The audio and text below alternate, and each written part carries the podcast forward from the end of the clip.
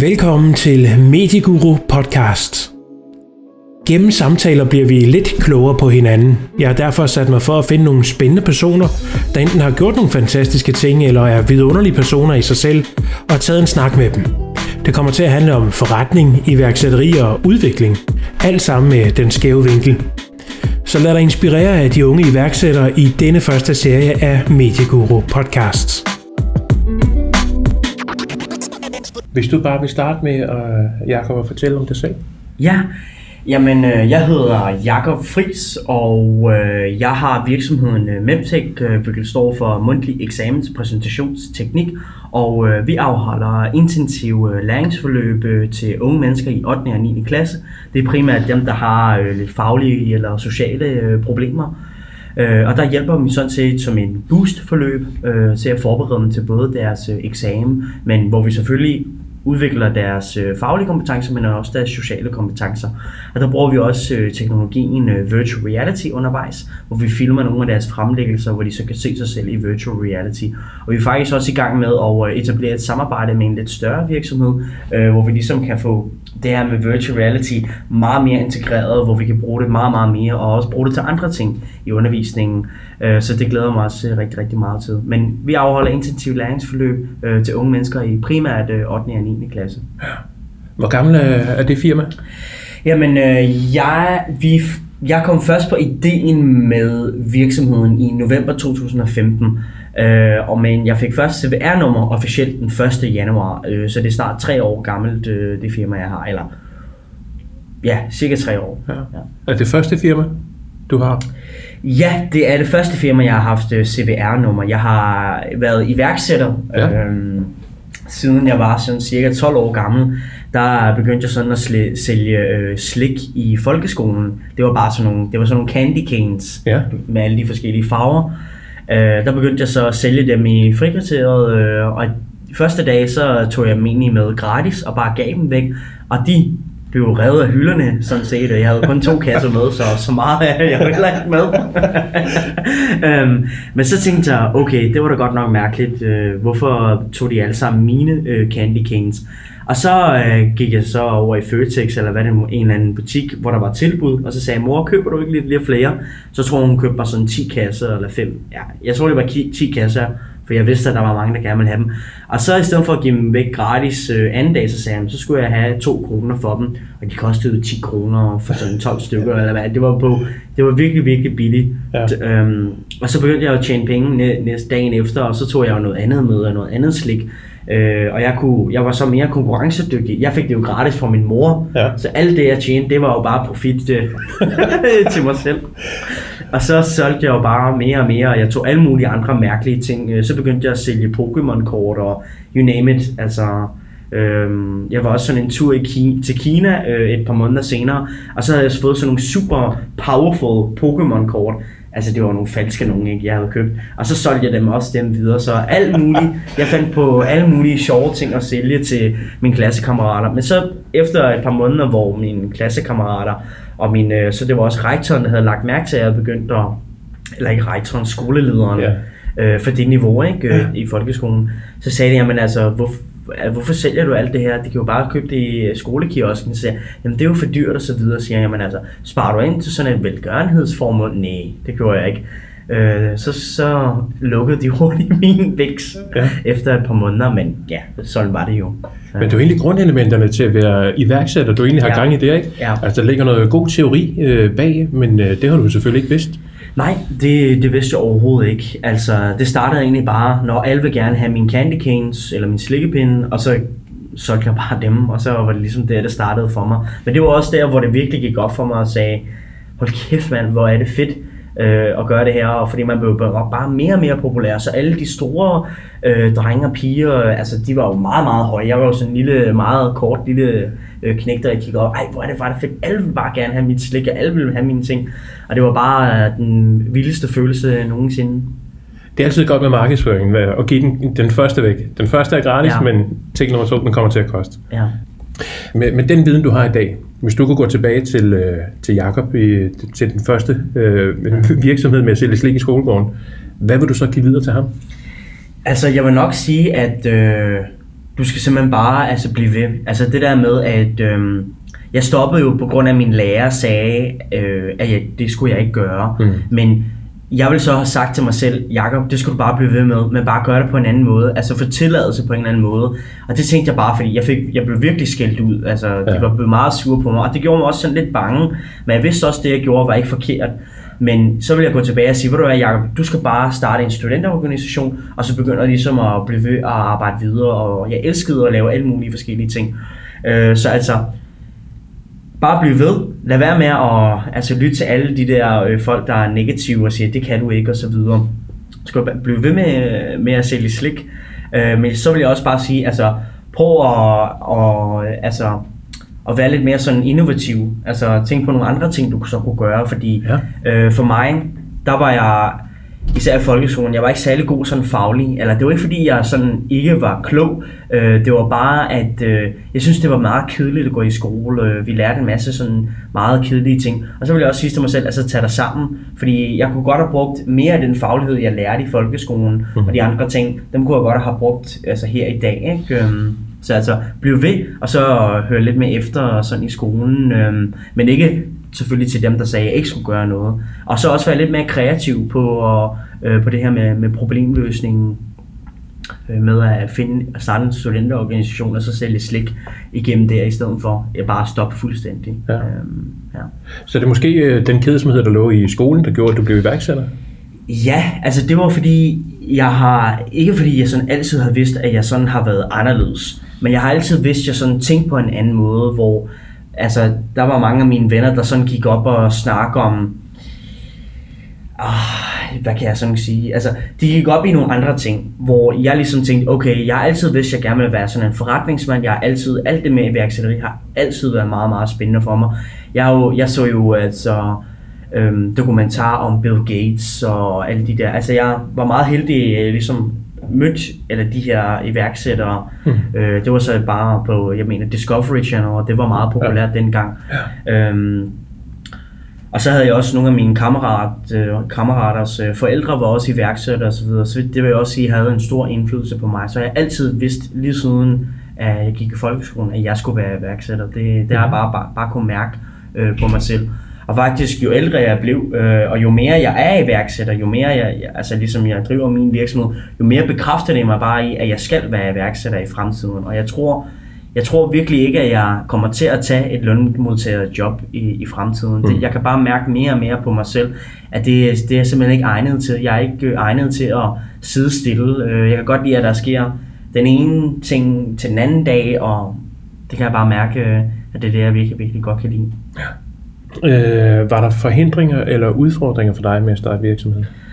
Altså, jeg vil sige, at mm, det var der, mm. helt klart. Altså, jeg var så også heldig med den virksomhed, jeg har, at øh, der, der var det jo sådan set bare primært, øh, jeg startede virksomheden, fordi jeg bare gerne ville hjælpe andre unge øh, mennesker som mig selv.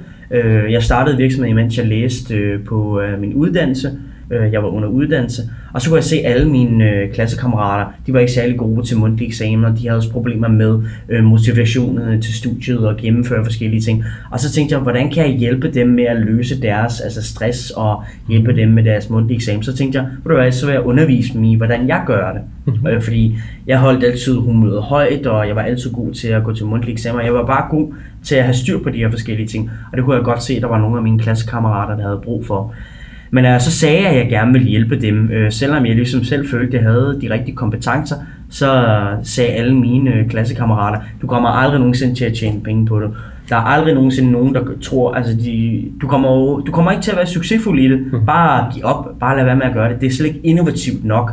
Øh, du kommer aldrig nogensinde til at tjene penge. Og det hørte jeg bare fra både min lærer på uddannelsen, øh, og øh, jeg hørte det fra mine klassekammerater, øh, så der var meget det sådan her negativt i starten med, at jeg tænkte, fandme nej mand, jeg går bare, jeg undersøger det bare videre, mm. øh, fordi jeg havde jo ikke noget at miste, altså jeg havde i det mindste noget at gå op i, hvor mine klassekammerater ikke rigtig havde så meget at gå op i. Ja.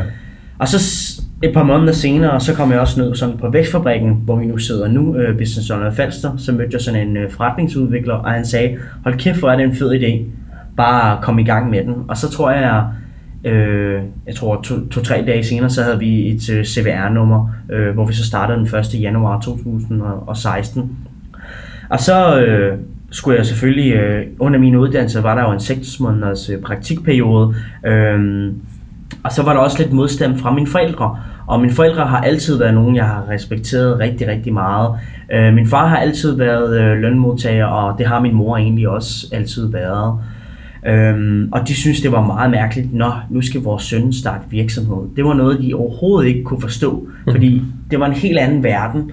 Det var jo ikke sådan, man gjorde det. Man, skulle, man tager sin folkeskoleuddannelse, så tager man en gymnasiel uddannelse, så tager man sin universitetsuddannelse, og så tager man en kandidat, og så arbejder man resten af sit liv for samme firma.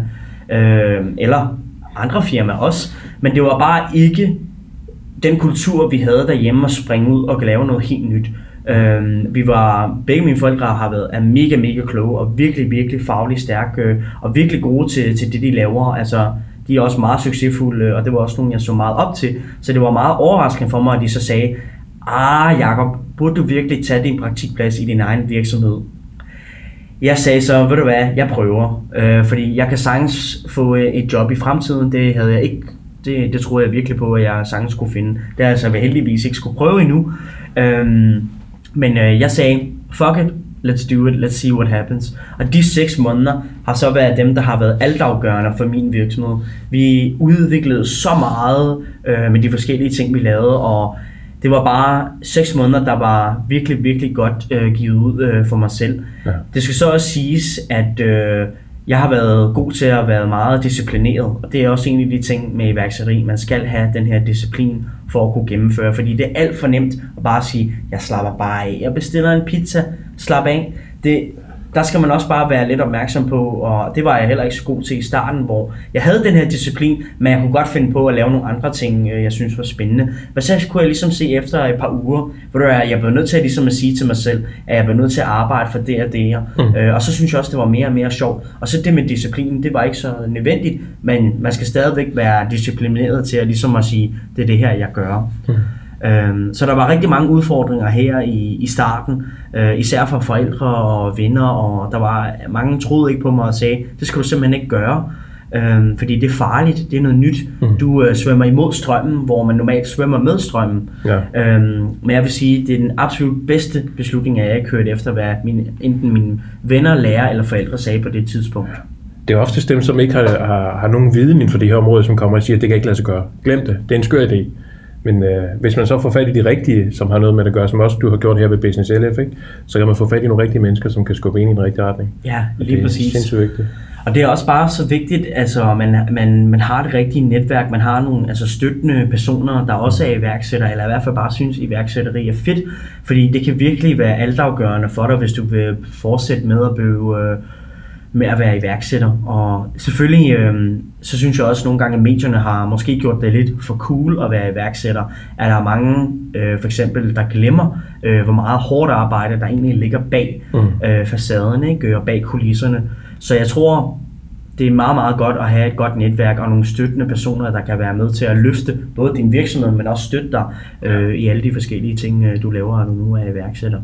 Men det har du jo også gjort i, det har jeg jo selv benyttet mig af, at komme herned på BLF og få noget rådgivning til, til mit firma. Ja, Altså det var også en af de ting, øh, fordi, og jeg startede øh, MedTech, der var jeg 18 år gammel. Nu er jeg så øh, altså 22, snart 23 her senere i den her måned. Mm-hmm. Øh, så jeg er stadig meget, meget ung. Jeg er virkelig, virkelig, virkelig ung.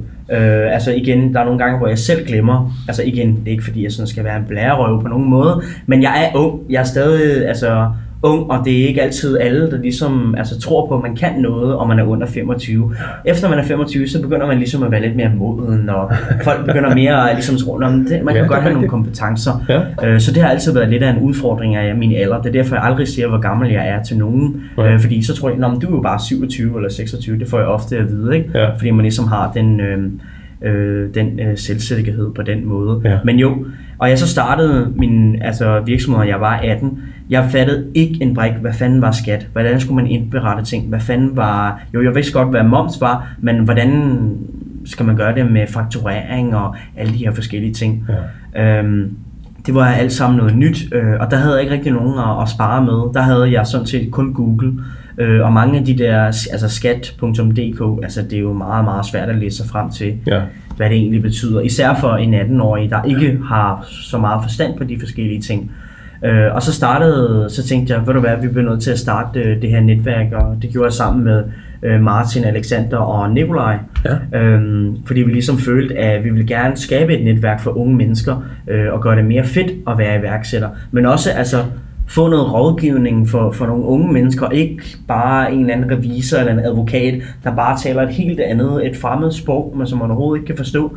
Men altså, det er ud fra vores erfaring, hvad vi har lært, men også bare hjælpe dem videre, fordi nogle gange er det bare, jamen hvordan gør man, fakturerer man det her, eller hvordan bogfører man det her? Det kan jeg meget, meget hurtigt fortælle dig, hvordan man gør det, men jeg kan også gøre det gratis. Øh, mm. og det var en af de ting, vi gerne ville øh, have oprettet. Og jeg synes også, altså det er, det er blevet en, øh, en, en succes. der har så været mange af opbakning en gang imellem, men sådan er det. Øh, nogle gange med, med kommunen, de er altid nogle gange lidt, øh, lidt bagud på, på den øh, front, og man ligesom skal køre noget videre og få skabt et godt netværk. Mm. Hvad er det mest positive ved at være iværksætter?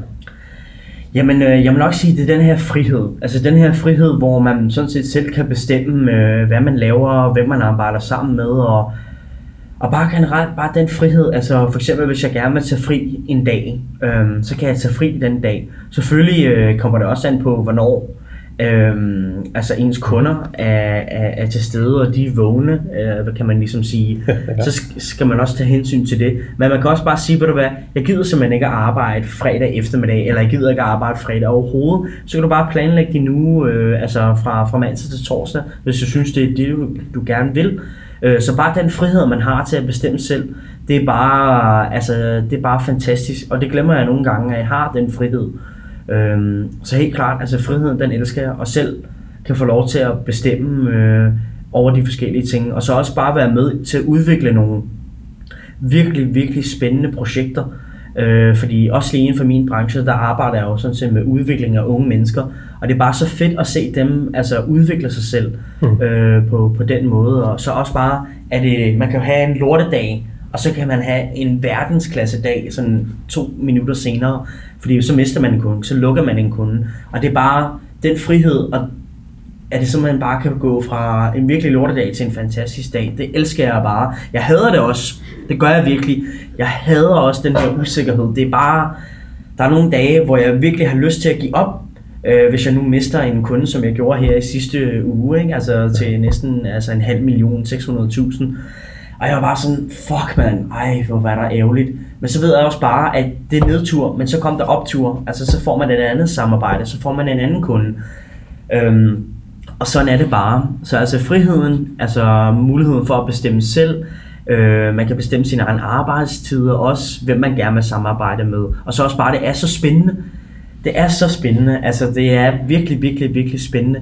Både der er opture og nedture, men de der nedture, dem er jeg også virkelig, virkelig taknemmelig for, hvor man virkelig bare kan føle, at hvis jeg giver op nu, så, så, så stopper det hele bare. Men hvis man så bliver ved og bare lige giver den ekstra skal og virkelig arbejder hårdt der, så er det der, man virkelig får aller, de allerbedste resultater. Mm.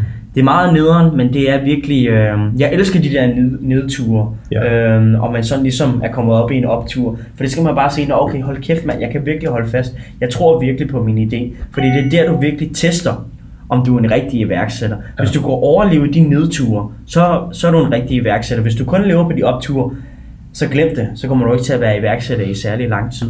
Det er alle de der nedture, det er der, du reagerer. Øh, det er der, og man så kan se, hvordan man reagerer, og man finder ud af, hvordan man egentlig er, hvis man egentlig kan klare den her usikkerhed. Øh, så ja. og så er vi også nødt til at runde den anden side af medaljen. Hvad er så det mest negative ved at være iværksætter? Det igen, det er den her usikkerhed. Det mm. er, at øh, altså, nu er jeg så heldigvis, at jeg har fået nogle gode samarbejde op at køre med, med nogle virksomheder. Øh, men det er også det her med, at sin omsætning kan, altså det kan blive en, øh, for den ene dag, den ene år kan det have man en sindssyg million omsætning, og så kan man komme til at ikke få nogle projekter igennem. Nu arbejder jeg jo meget med kommuner og øh, hvor man så skal sende projektbeskrivelser ind og så videre. Og så har jeg også kommet til at, altså for eksempel at miste et millionprojekt, hvor jeg bare ligesom sagde, fuck, det var, det var det, jeg skulle have, altså det var det, det var det, der skulle igennem, så virksomheden ligesom kunne blive ved. Øhm, og det er bare, det er virkelig, virkelig nederen, når det sker. Øh, og det vil jeg nok også sige, det er noget af det værste. Øh, fordi det er bare, den her usikkerhed, den er bare, den er, den er meget, meget farlig. Det er den, øh, og den kan også øh, nogle gange, altså også for mig selv, man godt kan blive en lille smule deprimeret, fordi man ligesom, hvad kommer der til at ske, og jamen altså, er, er jeg virkelig god nok, og alle de her, så får man alle de her ja, usikkerheder sådan, helt, sådan, sådan set. Så det er både noget, jeg synes, ja, man elsker, men det er også noget, jeg virkelig, virkelig hader, og nogle gange, hvor jeg bare har lyst til at give op. Altså jeg mener virkelig, jeg har været så tæt på at give op, så mange gange, men så sover jeg på det, og så siger jeg ligesom, ved du hvad, jeg bliver nødt til at blive ved, fordi jeg virkelig, virkelig tror på det her. Mm. Men usikkerheden, det, jeg kalder det ofte for det sorte hul. Så snart den usikkerhed har fat på dig, så suger den bare, og du skal virkelig, virkelig, virkelig arbejde hårdt for at kunne komme ud af det her sorte hul.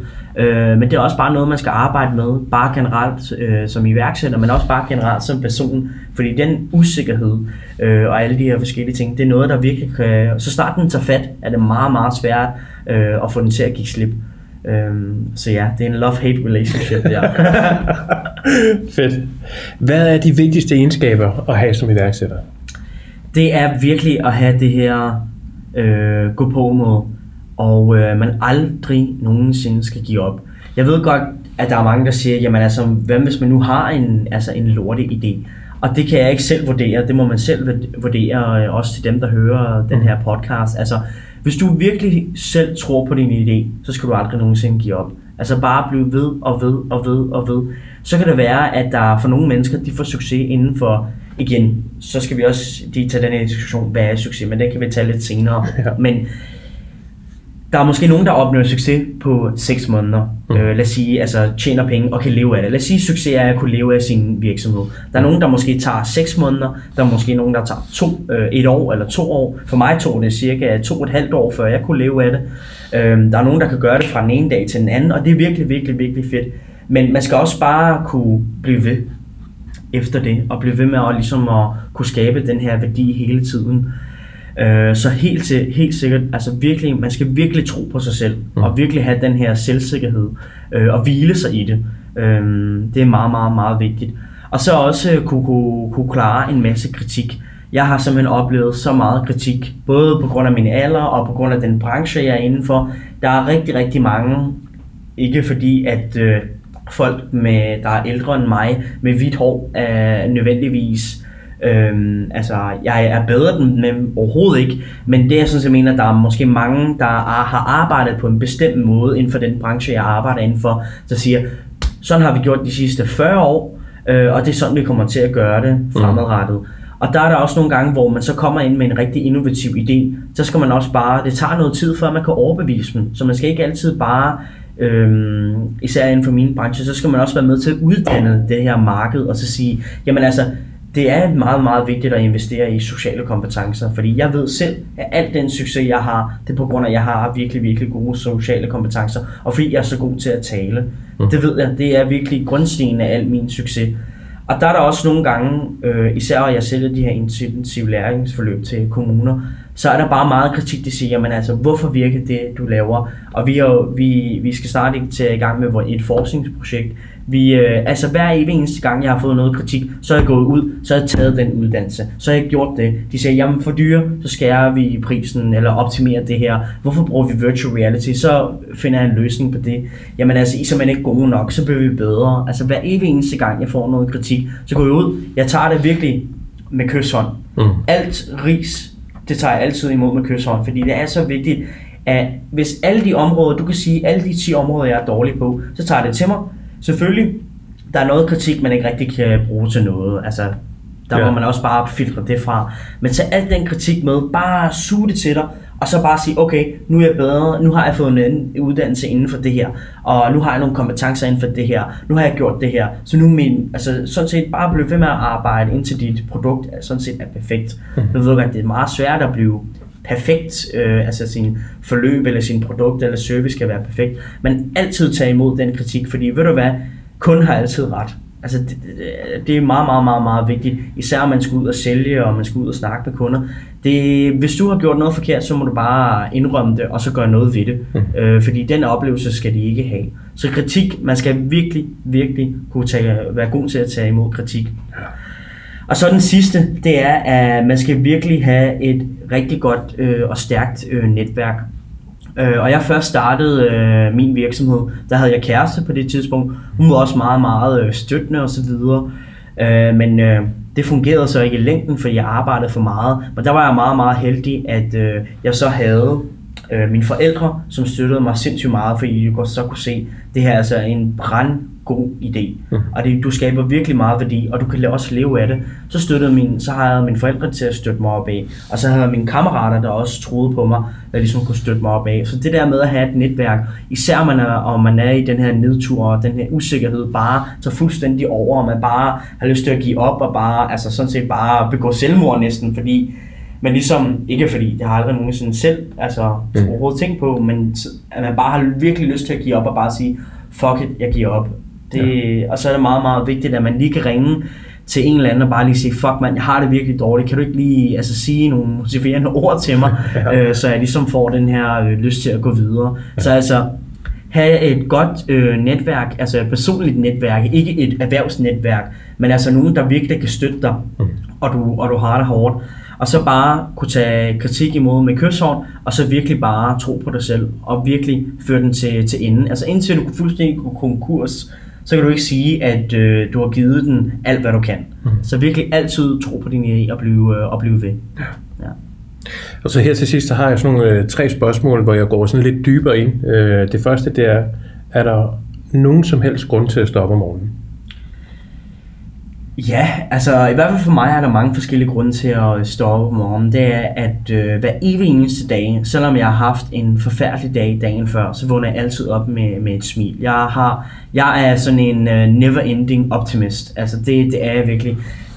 99% af tiden, der er jeg altid en optimist, lige meget hvad. Jeg er en meget, meget positiv person. Ja. Så jeg ser altid en ny dag som en ny start. Jeg ved godt, det er meget klichéagtigt, men det, jeg tror virkelig på, altså, og jeg så er såret, så er jeg altid klar til at begynde øh, øh, på en ny dag, og man ved aldrig, hvad der kommer til at ske. Så er der en, der ringer, eller en, der gerne vil købe noget, eller hvad det nu er, og det er bare så spændende. Den her usikkerhed, man ikke ved, hvad der kommer til at ske, øh, der vil jeg gerne, det vil jeg gerne stå op for. Mm. Øh, så det synes jeg er meget, meget spændende. Og spørgsmål nummer to, det er, hvad har gjort dig glad i dag?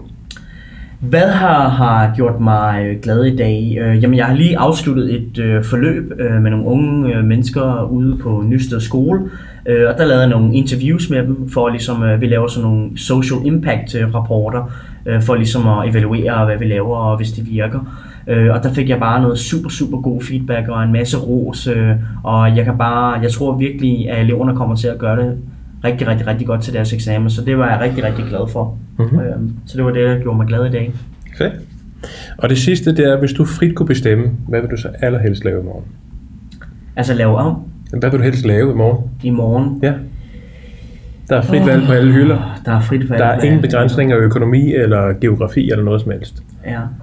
Men så, så tror jeg faktisk ærligt talt, så vil jeg faktisk lave det, jeg laver nu. Det, det vil jeg. Altså, jeg elsker virkelig det, jeg laver. Jeg elsker at undervise. Jeg elsker at motivere øh, andre elever, fordi jeg ved bare, at jeg havde virkelig, virkelig brug for sådan en person som mig selv, som jeg er nu. Den udgave af Jakob, jeg er lige nu, den Jakob havde jeg virkelig brug for i folkeskolen og også på gymnasiet. Og så er det bare, det er også derfor, jeg vågner op, fordi jeg ved bare, at der er så mange elever, der har brug for, for mig som en støttende person. Så jeg kunne sige, jeg tror på dig, du kan. Øh, det er ikke alle altså, øh, altså familier eller alle elever eller unge mennesker, der har nogle forældre eller en, øh, et netværk, der kan støtte dem. Og der vil jeg virkelig gerne være den person øh, for dem. Øh, og det er virkelig derfor, at jeg elsker det, jeg laver. Og jeg vil ærligt talt, jeg kan ikke rigtig tænke på noget andet, jeg vil lave, øh, end, end det, jeg laver nu her i Meptech. For jeg tror virkelig, at øh, hvis det er kun begyndelsen nu, men jeg tror kun, det kommer til at blive mere og mere og mere spændende. Og så elsker jeg virkelig det, jeg laver. Altså, jeg, jeg siger det ikke bare, altså, jeg lader ikke bare, som om jeg, jeg, jeg godt kan lide det, men jeg elsker det virkelig. Jeg synes, det er så fedt, og det er så sjovt, og det giver mig bare den, altså, den frihed, jeg har til at lave øh, det, ja, altså, jeg vil blive ved med det, jeg laver. Selvom jeg vandt i lotto, så vil jeg stadigvæk blive med at lave det her. Altså, fordi det er det, jeg har virkelig fundet min passion. Øhm, så det er ligesom det, jeg vil lave. Fedt. Tak fordi du lyttede med til Medieguru Podcast. Hvis du synes godt om podcasten og gerne vil høre mere, så er der flere ting, du kan gøre for at hjælpe. Du kan like og kommentere. Du kan foreslå gæster til podcasten. Giv Medieguru Podcast stjerner i iTunes. Jo flere du giver, jo bedre fortælle andre om podcasten. Abonner på podcasten i iTunes og Spotify. Du kan også donere via MobilePay til nummer 90096 eller kontakte mig, hvis du gerne vil være sponsor. Tusind tak, fordi du lyttede til Medieguru Podcast. Ha' en rigtig dejlig dag.